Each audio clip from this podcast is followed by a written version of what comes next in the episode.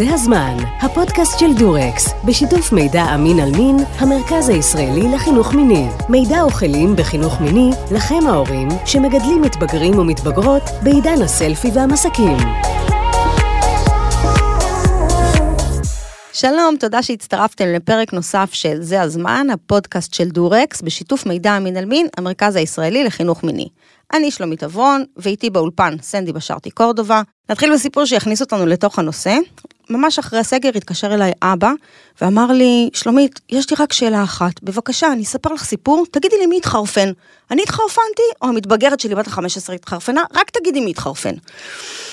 והוא מספר לי שהוא נסע עם המתבגרת שלו לים מיד אחרי הסגר, סוף סוף אפשר היה לנסוע, הגיעו לים, והוא אומר לי, איך שאנחנו מגיעים לחול, היא אומרת לי, רגע, רגע, חכה אבא, לפני שאנחנו נרטבים, לפני שאנחנו מתלכלכים, והיא נותנת לי את הסלולרי שלה ביד, פתאום אני רואה אותה נשכבת על החול, ואני רואה שהיא פותחת מאחור את החזייה שלה בגד ים. הוא אומר, הסטתי את המבט, והיא אומרת לי, אבא, אבא, הלו, מה קורה? קדימה, קדימה, צלם אותי. הוא אומר, נפל לי הסלולרי מהיד, אמרתי לה, מהר להתלבש. היא אומרת לי, אבל למה? אני אומר לה, מה זאת אומרת, אבל למה? אני לא רוצה לצלם אותך ככה, אותך ככה, זה נורא נורא מיני. היא אומרת לו, מה מיני בזה? הוא אומר לה, את, את, את, את עושה את הפרצוף הזה עם השפתיים, ואת מסתכלת עליי במבט הזה, והחזייה שלך פתוחה, זה נורא מיני. היא אומרת לו, איך זה יכול להיות מיני? אין פה בנים. אתה רואה כאן בנים מסביב? אין פה בנים. איך זה יכול להיות מיני? מה כל דבר אתה רואה מיני? והוא אומר לי, כל הדרך הביתה, היא אומרת לי, אבל מה מיני? תסביר לי כאילו מה הקטע של מיני פה, אבל מה מיני פה? אני לא מבינה מה מיני פה. והשאלה, מה מיני ומה לא מיני? מה מותאם ומה לא מותאם? מה, אה, מה בשפה, כן? מה בשפה, מה בחוץ ומה בפנים, כן? מה מראים ומה לא מראים, זה אחד הפערים הכי גדולים שיש בינינו לבין המתבגרים שלנו, ואנחנו נרצה היום לדבר על המרחב הפורנוגרפי, גם לנסות להסביר מהו וגם לתת כלים לאיך בעצם מגשרים על הפער בין העולם שהילדים תופסים, המתבגרים תופסים כמיני, לבין העולם שאנחנו תופסות ותופסים כמיני. אז אני אקח רגע את הסיפור ואני שנייה חוזרת אליו, להגיד שיש כאן איזושהי תגובה של המתבגרת אל המרחב הפורנוגרפי, אוקיי? אז בואי נשיים רגע, מה זה מרחב פורנוגרפי? למה אנחנו משתמשות במונח הזה? מרחב פורנוגרפי זה סך כל הדימויים שנמצאים במרחב, במרחב הפיזי, במרחב הדיגיטלי, סך כל הדברים שהילדים והילדות שלנו חשופים אליהם. האם הם מזהים את המרחב הפורנוגרפי בגיל צעיר ובגיל מבוגר יותר, זאת אומרת מתבגרים, מתבגרות? התשובה היא כמעט ולא. יש תחושה שהמרחב הזה הוא חלק מהחיים שלהם. זה מין, מין משהו כזה, שמוד, כמו פלסטר כזה שמודבק לתוך הגוף שלהם, הם לא ממש מזהים. אבל הפלסטר הזה המודבק והדימויים המיניים והמרחבים המיניים והפרסומות ושלטי החוצות והמילים של השירים, הם מחלחלים פנימה. אוקיי? והם מייצרים השפעה מאוד מאוד גדולה על הנראות של המתבגרים והמתבגרות, על המיניות של המתבגרים והמתבגרות. ועל הדרך שבה הם מוציאים את המיניות שלהם החוצה. וגם על התפיסה שלהם, התפיסה שלהם של מה מיני, מה אמור להיות, ממה אני אמורה ליהנות, מה, איך מחזרים, איך זה נראה, אה, באיזה פוזות מצטלמים, כל הדברים האלה מגיעים מתוך המבט שלהם הקבוע על המרחב שבו הם חיים, ועל זה שהמציאות הזאת היא נעלמת מעיניהם, ואני אגיד, סנדי, היא גם נעלמת מעינינו. כי בתוך ההרצאות שאנחנו פוגשות אה, הורים, ואנחנו מראות את המרחב הפורנוגרפי, אנחנו ממש יכולות לראות איך יורד כיסוי מהעיניים של ההורים, גם לנו המרחב הזה הוא נעלם לחלוטין. אנחנו לא נכנסות לקניון ואני אומרת לך, אוי, סנדי, תראי, הנה תמונה של אה, פרסומת של מישהי בבגד ים, הנה פרסומת של אה, מישהו אה, מאנטז, הנה פרסומת, לא רואים את זה, אנחנו... בשגרת חיינו. נכון, אבל אני חושבת שגם יש אה, אה, איזשהו רצון לא לראות את המרחב הפורנוגרפי, כי הסתכלות עליו כל הזמן היא קצת מייאשת, אוקיי? היא קצת אה, לחוש במין הצפה נורא נורא נורא גדולה של מיניות, שאני גם צריכה לתווך אותה. אני רוצה רגע מבט אמביוולנטי על המרחב הפורנוגרפי, אני רוצה שההורים יביטו עליו, אבל יזכרו כמה דברים מאוד חשובים. אחד, הוא כאן. אם אנחנו אוהבים אותו, אם אנחנו פחות לא אוהבים אותו, אם זה משרת את האינטרסים שלנו ואת הערכים שלנו, ואם לא. המרחב הוא כאן.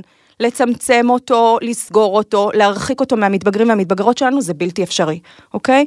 צריך לזכור את הדבר הזה. דבר נוסף, העניין במרחב הפורנוגרפי הוא להציץ עליו ודרכו ללמד מתבגרים ומתבגרות חשיבה ביקורתית. להציץ עליו זה אומר, אני לא הולכת להגיב עכשיו לכל פרסומת שיוצאת החוצה, לכל שלט חוצות שעושה אה, אה, איזושהי קונוטציה מינית לכל דבר שנמצא במרחב. אבל כשאני שותקת לחלוטין, זאת אומרת, אני לא מגיבה אל המרחב הפורנוגרפי, או אני לא רוצה לראות אותו, אז הוא מדבר, הוא מחלחל פנימה. אפרופו הילדה בת 14 חמודה, שהיא רצתה תמונה כמו שיש אין סוף תמונות כאלה באינסטגרם, שהגב מצולם והבגד ים שלי פתוח, אוקיי?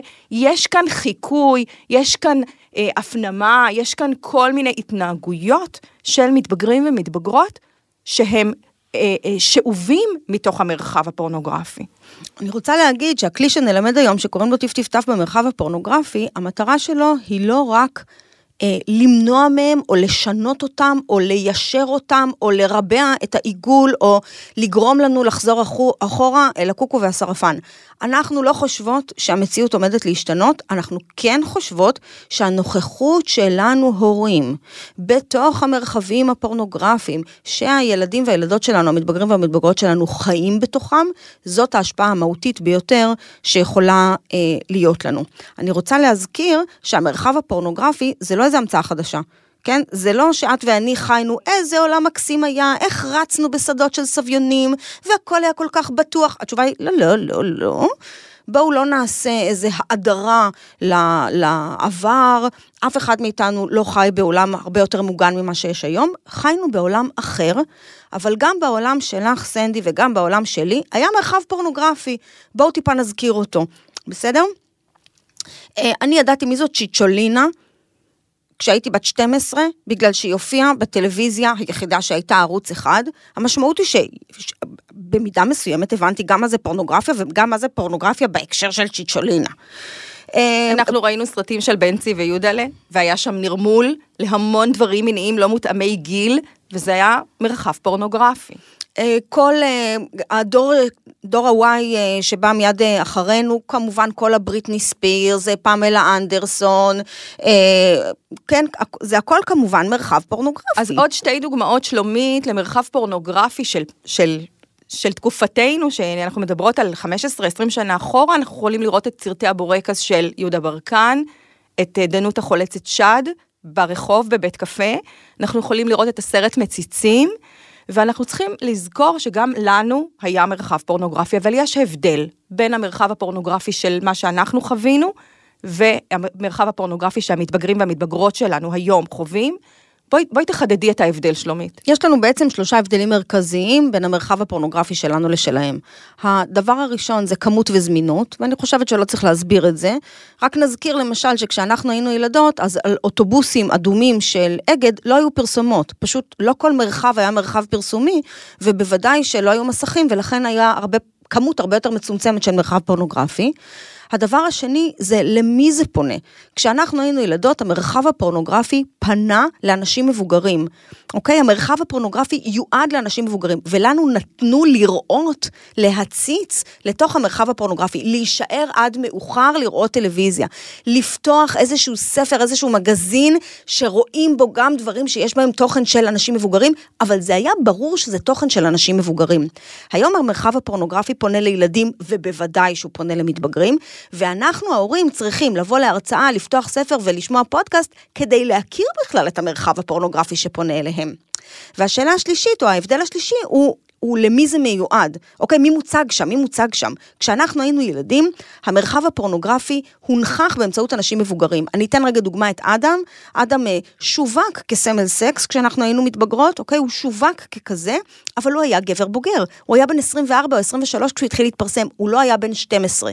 המתבגרים והמתבגרות שלנו מסתכלים היום על טיק טוק, מסתכלים היום על אינסטגרם, מסתכלים היום על יוטיוב, והם מסתכלים שם על יוטיוברים שהם בני גילם, לפעמים יותר צעירים, קצת יותר מבוגרים, הם בטוח לא אנשים מבוגרים. זאת אומרת, יש כאן טשטוש. יש כאן טשטוש וירידה של המושא הערצה שלי. אני מעריץ נער קצת יותר גדול ממני, יוטיובר שאולי שנה יותר גדול ממני, והטשטוש הזה מכניס גם כן איזשהו בלבול. וגם דוחף אותם לתוך התנהגויות מיניות בהתאם למה שמקובל בתקופה שבה הם חיים. וזה ההשפעה של המרחב הפורנוגרפי, שתכף נ, נ, נחזור אליה. אני רוצה שנחדד אבל, לטובת ההורים, את ההבדל, אוקיי? שלומית, בואי נשים רגע את ההבדל בין מה שנדמה, כאילו, בין מה שאנחנו מתארות עכשיו כמרחב פורנוגרפי, עם סך כל הדימויים במרחב, אל פורנוגרפיה. מה ההבדל בין פורנוגרפיה למרחב פורנוגרפי? אני אגיד שבעיניי יש שני הבדלים משמעותיים, אוקיי? בפורנוגרפיה רואים אקטים מיניים, רואים תקריב של אברי מין, ורואים אברי מין חשופים. רואים פין, פוט, שדיים, ישבן, חשופים, והרבה פעמים בתקריב לאורך זמן. לעומת זאת, כל המרחב הפורנוגרפי, גם אם יראו בו איבר מין, זה יהיה בחטף, ישבן לרגע, קצה של שד, וממשיכים הלאה. המטרה של פורנוגרפיה היא לייצר גירוי מיני אצל הצופים, המטרה של מרחב פורנוגרפי היא לשווק, המטרה של מרחב פורנוגרפי היא לייצר כסף. כשנדבר על פורנוגרפיה, אנחנו ניכנס הרבה יותר לעומק למה זה פורנוגרפיה, ויש השקה בין המרחב הפורנוגרפי לבין פורנוגרפיה, אבל אה, המרחב הפורנוגרפי, כולנו חשופים אליו כל הזמן, וכמעט תמיד לא יהיה שם באמת עירום מלא, והמטרה שלו היא כסף, כסף, כסף, כסף, כסף. אז אוקיי, אז פרסנו רגע את מה זה מרחב פורנוגרפי ואת ההבדל בין מרחב פורנוגרפי לפורנוגרפיה.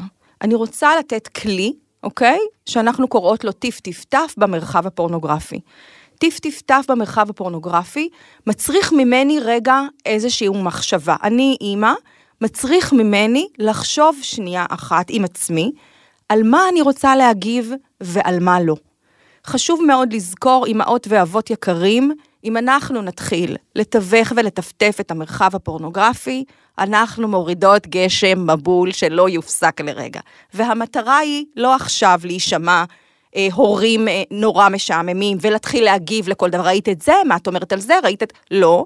לבחור, אוקיי? לבחור מתוך סך המרחב שאני מצליחה לזהות. בשלב הראשון, אני הייתי לוקחת שבועיים רק להביט עליו. להביט על המרחב, להגיד מה, מה מפעיל אותי, מה מעניין אותי, מה מראים פה, מה מראים בפרסומת, מה השיר הזה אומר, ולבדוק עם הבטן שלי ולבדוק עם הערכים שלי, מה אני רוצה להגיד. אני רוצה לספר את הטיף-טיף-טף, אה, את הכלי הזה בסיפור אה, פרטי ואישי שלי.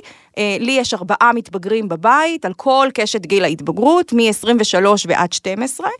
ואני יושבת יחד איתם, בעוונותיי הרבים, לראות את התוכניות שהם אוהבים בטלוויזיה, אין לזה שום קשר למה שאני אוהבת בטלוויזיה. ועדיין, אני מוצאת את עצמי אה, לפחות אה, פעם בשבוע מתיישבת לראות את התוכניות שהם אוהבים, ובאמת התוכנית המרכזית שהייתה עד לפני כמה ימים, לא צריך להגיד את שמה, אני חושבת, וישבתי איתם, אוקיי? וכל מה שהיה מעניין בתוכנית זה, אה, אני לקחתי כל מיני דברים וטפטפתי במרחב את מה שראיתי. תני דוגמה. אני, אני חושבת שהדוגמה הכי חזקה אה, הייתה הסיפור של, של אה, איזשהו קשר שהיה בין שני משתתפים בתוך, אה, בתוך התוכנית, ו, והיה שם כל מיני דברים ש, שהזכירו קצת אלימות, אבל היו נורא נורא מטושטשים. היו מטושטשים גם בשבילי, זאת אומרת שאני ישבתי וצפיתי בפרק המדובר שכולם דיברו על מה היה, על קשר זוגי בין שני אנשים, אני, לקח לי זמן רגע לחשוב מה אני רוצה להגיד, כדי שזה לא יישמע מצקצק, שזה לא יישמע... בדיוק, כי כשזה נשמע ככה, אני, אני פשוט הרמתי חומה. הם לא מקשיבים, אוקיי? הם לא נמצאים שם, הם לא, מה שאני אגיד לא רלוונטי. ולקח לי 24 שעות לעצור, ואז חזרנו לראות פרק נוסף, ותוך כדי נתתי, ואמרתי, מה דעתכם על זה? תראו מה קורה פה. תראו, עכשיו, יש אצלנו בבית כזה מנהג לראות בלופים את הפרקים עוד פעם ועוד פעם ועוד פעם ועוד פעם, זה משהו שיש ילדה אחת שמאוד אוהבת לעשות את זה, אבל יש כאן משהו בחזרתיות הזאת שאפשר לי לשים את המרחב. יו, תראה מה קורה, תסתכלו על שפת הגוף, תעשו רגע מיוט לכל ותראו מה נאמר בשפת הגוף. אה, כלי מצוין להסתכל רגע ולטפטף. ואמרתי, יש כאן קצת אלימות, אני שומעת כאן מערכת יחסים שהיא מדאיגה אותי. אני רוצה שתזכרו, הורים יקרים, לא לדבר רק על הדברים של מניעת אלימות מינית מתוך ארבעת העולמות של מידע מין על מין. אני מזכירה לכם, חינוך למיניות בריאה, מניעת אלימות מינית, מה זה להיות בן, מה זה להיות בת, מגדר, אה, סליחה, מיניות, פורנוגרפיה וטכנולוגיה. ואני דיברתי על מניעת אלימות מינית, אבל מצאתי את עצמי מחפשת גם בתוכנית הזאתי לדבר על מיניות בריאה ועל זוגיות כיפית, ויש שם גם אפשרויות לכל מיני דברים לדיבור חיובי במרחב. העניין בכלי של טיף טיף טף הוא לא לשנות את המרחב הפורנוגרפי, כי זה לא כלי שמשנה אותו, זה כלי שמתווך אותו. זה כלי שבא ואומר, אני שמה גם את הערכים שלי בתוך המרחב הזה שיש בו כל כך הרבה ערכים שהם אולי לא שלי. אני רוצה לתת דוגמה מהבית שלי, לי יש אה, מתבגר אחד אה, צעיר מאוד, ועכשיו בתקופת הקורונה ישבנו ביחד, והוא ביקש שאני אלמד אותו משהו במתמטיקה. עכשיו, אה, לא נעים לי להסביר מה רמתי במתמטיקה, ולכן הצעתי לו שנראה ביחד ביוטיוב סרטון שמסביר קצת על מה מדובר, כדי שאני אוכל להתאפס על החומר שלומדים בכיתה שלו. והתיישבנו ביחד על יוטיוב, ו-30 שניות לתוך השיעור מתמטיקה הזה, עלתה פרסומת. טיף טיף, ולפתע פרוסה על המסך שלנו, אמ, אישה שלומדת שפה זרה שנייה, אה, עירומה כביום היוולדה, באמבטיה, כמובן, שיער אסוף, למעלה, כולנו נכנסות ככה לאמבטיה, ברור. קודם כל את אוספת את השיער באופן סקסי, ואז את מתיישבת באמבטיה. כמובן, קצף האמבטיה מכסה לה בדיוק את הפטמות, בוודאי, כולנו יושבות ככה באמבטיה, וכמובן, כל הנשים בעולם שאני מכירה שרוצות לתרגל שפה זרה, דבר ראשון שהן עושות זה מורידות בגדים ונכנסות לאמבטיה. איפה יותר הגיוני לתרגל אם לא באמבטיה? עכשיו, אני כמובן לא רואה את זה, וגם המתבגר שלצידי לא רואה את זה, כי אנחנו עסוקים עכשיו בשיעור חשבון, כן? אנחנו לא... אבל רגע, פתאום אני רגע נוצרת, אומרת, רגע, רגע, הנה הזדמנות קלאסית לעשות טיף טיף. ואני אומרת לו, תגיד, נראה לך הגיוני שהיא מתרגלת אנגלית באמבטיה? אז הוא אומר לי, לא. אז אני אומרת לו, גם לי לא. למה לדעתך, למה לדעתך זה ככה? עכשיו, המתבגר שלי, כיוון שהוא שמע אותי מדברת את הדברים האלה עשרת אלפים פעם, הדבר הראשון שהוא עושה, זה מגלגל עיניים. אה, אמא, אני יודע למה, אה, כי אישה... אה. אמרתי לו, יופי, יאללה, הלאה. הרצנו את הפרסומת והמשכנו ביחד שיעור מתמטיקה. טיף טיף טף במרחב הפורנוגרפי, הורים מרימים משהו מהמרחב, משהו שמתאים להם לדבר, משהו שנוח להם להגיד, משהו שהם רוצים להתייחס אליו, משהו שמתאים ל, ל, לגיל של הילדים שלהם, למקום שהילדים שלהם נמצאים, מרימים אותו, אומרים עליו שני משפטים וממשיכים. וזוכרים בלב שהמשפטים האלה והערמה הזאתי היא לא השינוי של המרחב, אלא רק ההתייחסות אליו, אוקיי? אני אסיים בסיפור אחרון, יש תוכנית אה, בטלוויזיה שבת ה-12 שלי מאוד אוהבת לראות, שכל הזמן יש שם הכרזה על מלחמה בין בנים לבנות, בנים לבנות, בנים לבנות. אני בכל פעם שנגמרת התוכנית הזאת, מכריזה לכל הבית לבוא לאכול לפי שעות, רק הבנות עכשיו מגיעות לאכול, ואז יש מחאה מצד הבנים, למה רק הבנים? ככה, רק הבנות, רק הבנים, רק הבנות. זאת הדרך שלי לטפטף את הדבר האבסורדי הזה של הפרדה בין בנים, בנות, בתוכנית הזאת, אה, וזה טיף טיף טף. אני רוצה להציע לכם בעצם בשבוע הקרוב לעשות תרגול, והתרגול הזה אומר בכל פעם שאתם יוצאים מהבית או בכל פעם שאתם נכנסים למסך, להסתכל עוד רגע על איזה מסרים מיניים עוברים בחוצות, כן, בשלטים, במרחב הפורנוגרפי, במסך, ולשים בראש שלכם את אחד המתבגרים והמתבגרות שלכם בשאלה, מה היה נכון לעשות כש... אה, אם הייתם רואים יחד איתו את הדבר הזה. והדרך לדבר עם מתבגרים על המרחב הפורנוגרפי, יש לזה כמה טכניקות שאפשר לעשות את זה. דרך אחת היא באמת תוך כדי שאנחנו איתם, נגיד, המתבגר צריך ממני משהו, ולכן אני הולך איתי לקניון, ואף מסכים לשהות במחיצתי, ולא הולך כ-150 מטר לפניי. ואז אני מצביעה על משהו ואני אומרת לו, מה אתה אומר על זה? והוא אומר, לא יודע אם את עזבי אותי. זה עדיין טיפ-טיף-טף במרחב הפורנוגרפי, כי אני אמרתי משהו לא. הראיתי לו משהו ואמרתי לו שיש לי דעה על זה. דרך שנייה זה לשלוח להם את זה בוואטסאפ. זאת אומרת, אני יכולה לשבת בעבודה, להיות באיזשהו אתר, לראות משהו, לשלוח קישור, לכתוב דעתך. אני רואה כמובן שני ויים כחולים, אין תגובה. אבל אז אפשר לחזור בדיוק לכל הדברים שדיברנו עליהם בפרק הקודם. להיכנס בחזרה לחדר, שיחת המיטה המסריחה, באוטו, כבדהו ושחדהו, כל הדברים שדיברנו עליהם בפעם הקודמת, שהמטרה שלהם היא להמשיך ולהרחיב את הדעה שלהם, שהם ידעו מה אנחנו חושבים, למה אנחנו חושבים את זה, מה, מה הערכים של הבית, מה מתאים ומה לא מתאים בעינינו, ונזכיר, הם לא חייבים להסכים איתנו, ולא חייבים לשנות את דעתם, ולעיתים גם לא את התנהגותם. המטרה היא לא ליישר אותם, המטרה היא לתת להם מידע מין על מין ויכולת לחשיבה ביקורתית. מעולה. בלי פאניקה, מיניות מותאמת ובריאה בגיל ההתבגרות. בואי, אני רוצה לשאול אותך, לספר לך סיפור. אה, ככה, אה, אימא מתקשרת אה, להתייעץ איתנו, בת 14, אה, יש אתגר בטיקטוק, אוקיי? יש כל מיני אתגרים בטיקטוק.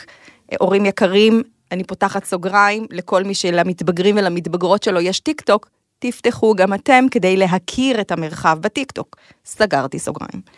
אז בת ה-14 צילמה את עצמה עם חוטיני, אה, עושה טוורקינג, שלושה סרטונים של שלוש-ארבע דקות, שלוש-ארבע שניות כל סרטון, והסרטון הזה נשאר בטלפון שלה ולא נשלח החוצה, אוקיי? האימא התקשרה והייתה בפאניקה. מה את חושבת, שלומית, על נערה בת 14 שמצלמת את עצמה, סרטון של 3-4 שניות, עם חוטיני, עושה טוורקינג? אה, זאת שאלה כל כך יפה, כי תמיד אה, כששואלים אותנו שאלות כאלה, אז יש לי את מה שהבטן שלי אומרת, יש לי את מה שהלב שלי אומר, יש לי את מה שהמוח שלי אומר. יש את מה שאני אומרת בתור אימא, ויש את מה שאני אומרת בתור מחנכת למיניות בריאה. זאת אומרת, מה הייתי עושה אם הילד או הילדה שלי היו עושים את זה, ומה אני רוצה להגיד לאנשים אחרים כשהם עושים את אז זה. אז בואי ניתן להורים גם את הקרדיט לחוש את המחשבות השונות האלה שעולות בנו כשקורות כאלה סיטואציות. אני גם חושבת, כי אני חושבת שאנחנו צריכים להכיר, להכיר בזה שהתחושות שלנו הן אמביוולנטיות, והצורך להפעיל את המוח הוא צורך כי הבטן והלב הם עובדים ישר. בבטן אני רוצה להגיד, תגידי לי, את התחרפנת? מה זה? אני לוקחת לך את הטלפון, את לא תראי אור יום, וזהו, זה הבטן שלי. אבל כשאני מתחילה להפעיל את המוח, אני גם מבינה שאין לי שום טעם לדבר ככה עם מתבגרת, ואני גם מבינה שלהיות מתבגרת בת 14, ולראות כל היום אה, בטיק טוק אתגרים שבהם רואים ישבן אה, מקפץ אה, מסוג טוורקינג עם אה, תחתונים בלי תחתונים או עם, אה, עם, עם, עם, עם צמצום של תחתונים. ולהסתכל על עוד ישבן של מישהי, ועוד ישבן של מישהי, ועוד ישבן של מישהי, ועוד ישבן של מישהי, ולשאול את עצמי, מעניין איך נראה הישבן שלי אם הייתי עושה את הדבר הזה? זה דבר טבעי, נורמלי, ובעצם הוא חלק ממיניות בריאה. במידה מסוימת, להסתכל במראה ולהקפיץ את הישבן בטוורקינג, זה להכיר את הגוף שלי בפרטיות. המתבגרים שלנו, הסלולרי שלהם, הוא חלק, מה, הוא חלק מהיד שלהם וחלק מהגוף שלהם, וחלק מהתחושה זה איבר, אוקיי? זה איבר נוסף שיש בגוף שלהם. בשביל נערה לצלם דבר כזה, בלי שהיא שלחה אותו, בלי שהיא העלתה אותו, כדי לראות אותו, א', היא לא מבינה שיש בזה שום דבר סיכוני. אני אעצור, היא לא מבינה כי היא מתבגרת. דיברנו על תהליך קוגנטיבי אצל גיל ההתבג... בגיל ההתבגרות, ודיברנו על זה שהיכולת שלהם להבין את ההשלכות של הדברים הן מצומצמות, ולכן היא באמת לא מבינה, אוקיי? זאת אומרת, לפעמים זה כל כך מרגיז אותנו, ההורים, איך, לא, איך היא לא מבינה מה יכול לקרות עם זה? היא באמת לא מבינה, אוקיי? תמשיכי. היא לגמרי לגמרי לא מבינה, וגם אני אגיד, הסיכון בסופו של דבר, כשאני מפעילה את המוח, הסיכון הוא נמוך. זה לא סיפור, סיכון גבוה, ואני אזכיר לכם, ההורים, שאני אוהבת אתכם מאוד, שאתם, סביר להניח, מסתכנים עכשיו בסלולרי הרבה הרבה יותר מאשר אותה אה, מתבגרת שצילמה את עצמה לעצמה, מזיזה את הישבן שלה. למשל, אם בטעות בטעות, אתם בטעות לרגע אחד נגעתם בסלולרי שלכם וכתבתם וואטסאפ ממש ממש קטן תוך כדי שנהגתם, אז אתם סיכנתם את עצמכם ברשת פי אלף יותר מאשר נערה שצילמה את עצמה לעצמה. ההתנהגות עצמה היא התנהגות מאוד סבירה לנערה בגיל הזה. הדבר היחיד שיש כאן שאנחנו יכולים לתווך אותו, זה מה יקרה אם הטלפון ייגנב, מה יקרה אם מישהו ייקח את הטלפון וישתמש בסרטונים, וגם כמובן זאת הזדמנות טובה לדבר עם מתבגרת על האם כן מעלים את זה, האם לא מעלים את זה, אם זה משהו שהיא מתכננת להמשיך לשלוח אותו, האם היא שקלה לשלוח את זה לחבר או לחברה, האם היא שקלה לשלוח את זה אה, למישהו שהיא מכירה, או האם היא שקלה להעלות את זה לרשת. זאת הזדמנות בדיוק לדבר את הדברים האלה. אני חושבת שאנחנו צריכות להגיד עוד דבר שהוא מאוד משמעותי. הרבה פעמים כשאנשים מתקשרים אלינו עם דברים של בלי פאניקה, זה דברים שהם גילו בלי שהמתבגרים שלהם יודעים. ואז הם תמיד שואלים אותנו, אבל איך אני, איך אני, דבר, איך אני, מה, מה, מה, מה, מה להגיד לה? אז מה את אומרת, סנדי? אני אומרת, קודם כל, רגע, האם להגיד לה? זה אומר שצריך להגיד לה איך הגעתי לה, אל הסרטון הזה. זאת אומרת, יש כאן סיכון באמון שיש לי עם המתבגר והמתבגרת שלי. השאלה היא אם התשובה הזאתי שווה את השבירה של האמון, אוקיי? זאת שאלה מאוד מרכזית שההורה צריך לשאול אותו. אני יכולה לתת כלי נוסף בלי לבוא ולהגיד לה, אוקיי? אפשר בלי לשבור, אם האמון הוא חשוב ממש, ואני אומרת לכם, אמון בין מתבגרים למתבגרות הוא מאוד חשוב, אבל אם אתם מכירים את המתבגרת והמתבגרת שלכם ויודעים שאפשר רגע לצלוח את השבירת אמון הקלה הזאת ולבנות מחדש, אז אני הייתי אומרת שאפשר גם לדבר בלי לפתוח שראיתי את הסרטון הזה. ראיתי שצילמת את עצמך אם לא. אפשר להגיד על, לדבר על המרחב הפורנוגרפי, אפשר לדבר על האתגר הזה בטיקטוק, אפשר לצפות ביחד באתגר בטיקטוק ולהגיד, מה את חושבת על זה, אוקיי? מה את אומרת? מה היית חושבת? את יודעת, סיפרה לי חברה שהבת שלה צילמה את עצמה, מה היית אומרת לה, אוקיי? תמיד תשתמשו במתבגרים כדי לתת עצות למתבגרים אחרים, הם נכנסים ממש למקום כל כך טוב בשביל לייעץ למישהו אחר, הם מאוד מאוד טובים. עוד טיפ לכם ההורים, אף פעם אל תדברו עליהם, לא את מצטלמת, לא את עושה, לא, אוקיי? תמיד תרימו את השיח שאתם שומעים שיש, שבטיקטוק יש, ששמעתם שקורה עם מתבגרים ומתבגרות, ות, ולא לכוון אליהם את האצבע ולא לכוון אליהם את המבט, וכן הייתי רוצה לדבר עם המתבגרת שלי, מה זה אומר לצלם טוורקינג? מה זה אומר? האם אני יכולה לצלם גם ריקוד שלם? האם אני יכולה לצלם את כל הגוף שלי, כאילו כשאני רוקדת, אם אני ככה, אה, אה, זה מעניין אותי? מה זה אומר שאני מצלמת רק את הטוסיק? מה זה אומר שאני מצלמת רק את השדיים? מה זה אומר שאני מצלמת רק את הפטמה? מה זה אומר? ומה המסר? האם זה יפסיק נערות חמודות ומתוקות ונערים לצלם את עצמם ות... לא, זה לא מפסיק. אפרופו, לתווך את המרחב הפורנוגרפי ולא לתקן אותו. תזכרו את זה, זה חשוב. זה לא שאני לא מנסה להניע אותם לעשות דברים שאני רוצה באופן יותר מותאם, אבל אני חושבת שהורים צריכים להכיר בזה שהיכולת שלנו להחזיק את המתבגרים במצב אה, דומה למה שאנחנו רוצים היא נמוכה. ואני רוצה רגע לדבר על, ה, על השבירת אמון. אני חושבת שהעצות שנתת הן עצות מאוד מאוד משמעותיות, כי בחלק גדול מאוד מהפעמים אפשר לדבר על משהו אחר ולא להתייחס למה שראינו. נכון. אבל אני חושבת שיש מקומות שבהם צריך להתייחס למה שראינו, וזה אם המקום הוא סיכוני. זאת אומרת, אם היינו רואים את אותה אה, נערה מצלמת את הישבן שלה באופן הזה, ושולחת אותו, סתם לדוגמה, לנער שהיא לא מכירה, או לגבר שהיא לא מכירה, או מעלה אותו לרשת חברתית, אה, אה, לרשת חברתית סיכונית כלשהי, זה מקום שבו כן צריך להתעמת, וצריך לשבור את האמון, וצריך להגיד, אני מצטערת, דאגתי לך, דאגתי לך, ונכנסתי לסלולרי להסתכל, יבואו שם צרחות, ובצדק, זאת אומרת, הם, הם מותר להם מאוד לכעוס על זה, אבל כשאנחנו רואות סיכון, אנחנו מתעמתות איתו, כי אנחנו אנשים מבוגרים, הורים, יש לנו גם אחריות על מה שהילדים שלנו עושים. כשהילדים שלנו מסתכנים, אנחנו צריכים לספוג את הכעס שלהם, אבל לעזור להם לעבור לתוך עולמות אה, פחות אה, סיכונים, והמרחב הפורנוגרפי דוחף אותם לעולמות סיכונים, ואנחנו צריכים לעזור להם להבין איפה עוברים הגבולות. אנחנו נרחיב על זה עוד, שלומית, אני לוקחת את, ה, את ההערה הזאת, ונגיד שנרחיב על זה בפרק הבא, על sexting, על מיניות ומסכים. נרחיב על זה ממש, את כל הנושא של איך אנחנו מתערבות, באיזה עולם הם חיים וחיות, אה, מה זה הכוונה בסקסטינג אצל מתבגרים, ועצם ההכרה והידיעה את העולמות האלה, נותנת לי עוד כלי בלהכיר את עולמות, של, אה, עולמות מתבגרים והמתבגרות בכל מה שקשור למיניות. בואי נעבור לפינה הבאה שלנו. זה נורמלי, התנהגות מינית נורמטיבית בגילי התבגרות. זה נורמלי? זה נורמלי? אני לא חושבת שזה נורמלי. זה נורמלי? אני אוהבת שהורים מתקשרים ושואלים אותי, זה נורמלי? תגידי, אבל זה נורמלי?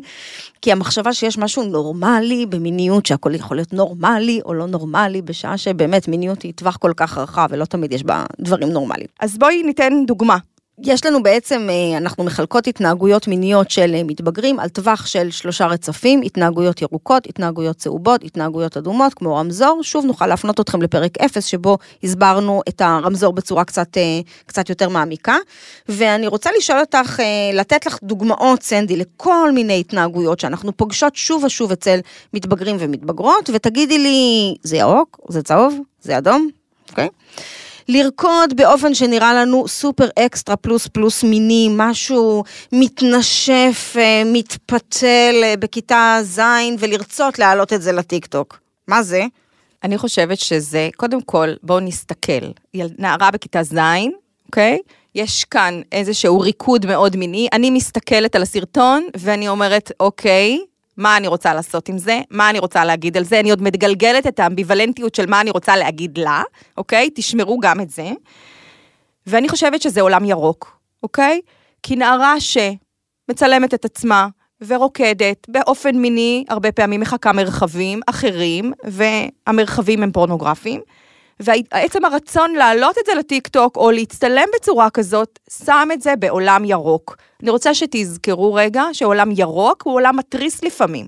הוא עולם שאני לא תמיד מסכימה עליו, אבל אני מצפה לראות את ההתנהגות הזאת והיא לא מלחיצה אותי ולא מדאיגה אותי. משום שנערות בכיתה ז', חלקן, לא כולן, יש נערות שממש עוד לא שם, נערים שממש עוד לא שם, אבל בפירוש יש נערים ונערות שכבר לגמרי שם בכיתה ז', זה הזמן שבו הם בודקים כמה אני מיני, כמה אני חתיך, איך מסתכלים עליי, מה זה המבט הזה, מה אני יכולה לעשות בעולם עם השדיים שצומחים לי, אה, כמה אני יכול להיראות כמו היוטיובר הזה שעוסק בספורט ומכתב את הבטן שלו, כמה אני יכול להיראות כמותו. אה, כמה אני יכולה אה, אה, להיראות כמו, אה, כמו הנשים שאני רואה בטיקטוק ואני נורא נורא מתלהבת מהן והן נורא מלהיבות אותי. וזה עולם ירוק. וזה עולם ירוק. אני רוצה להגיד שיכול להיות שהדוגמה שהבאנו לא תתאים לחלק מההורים, אוקיי?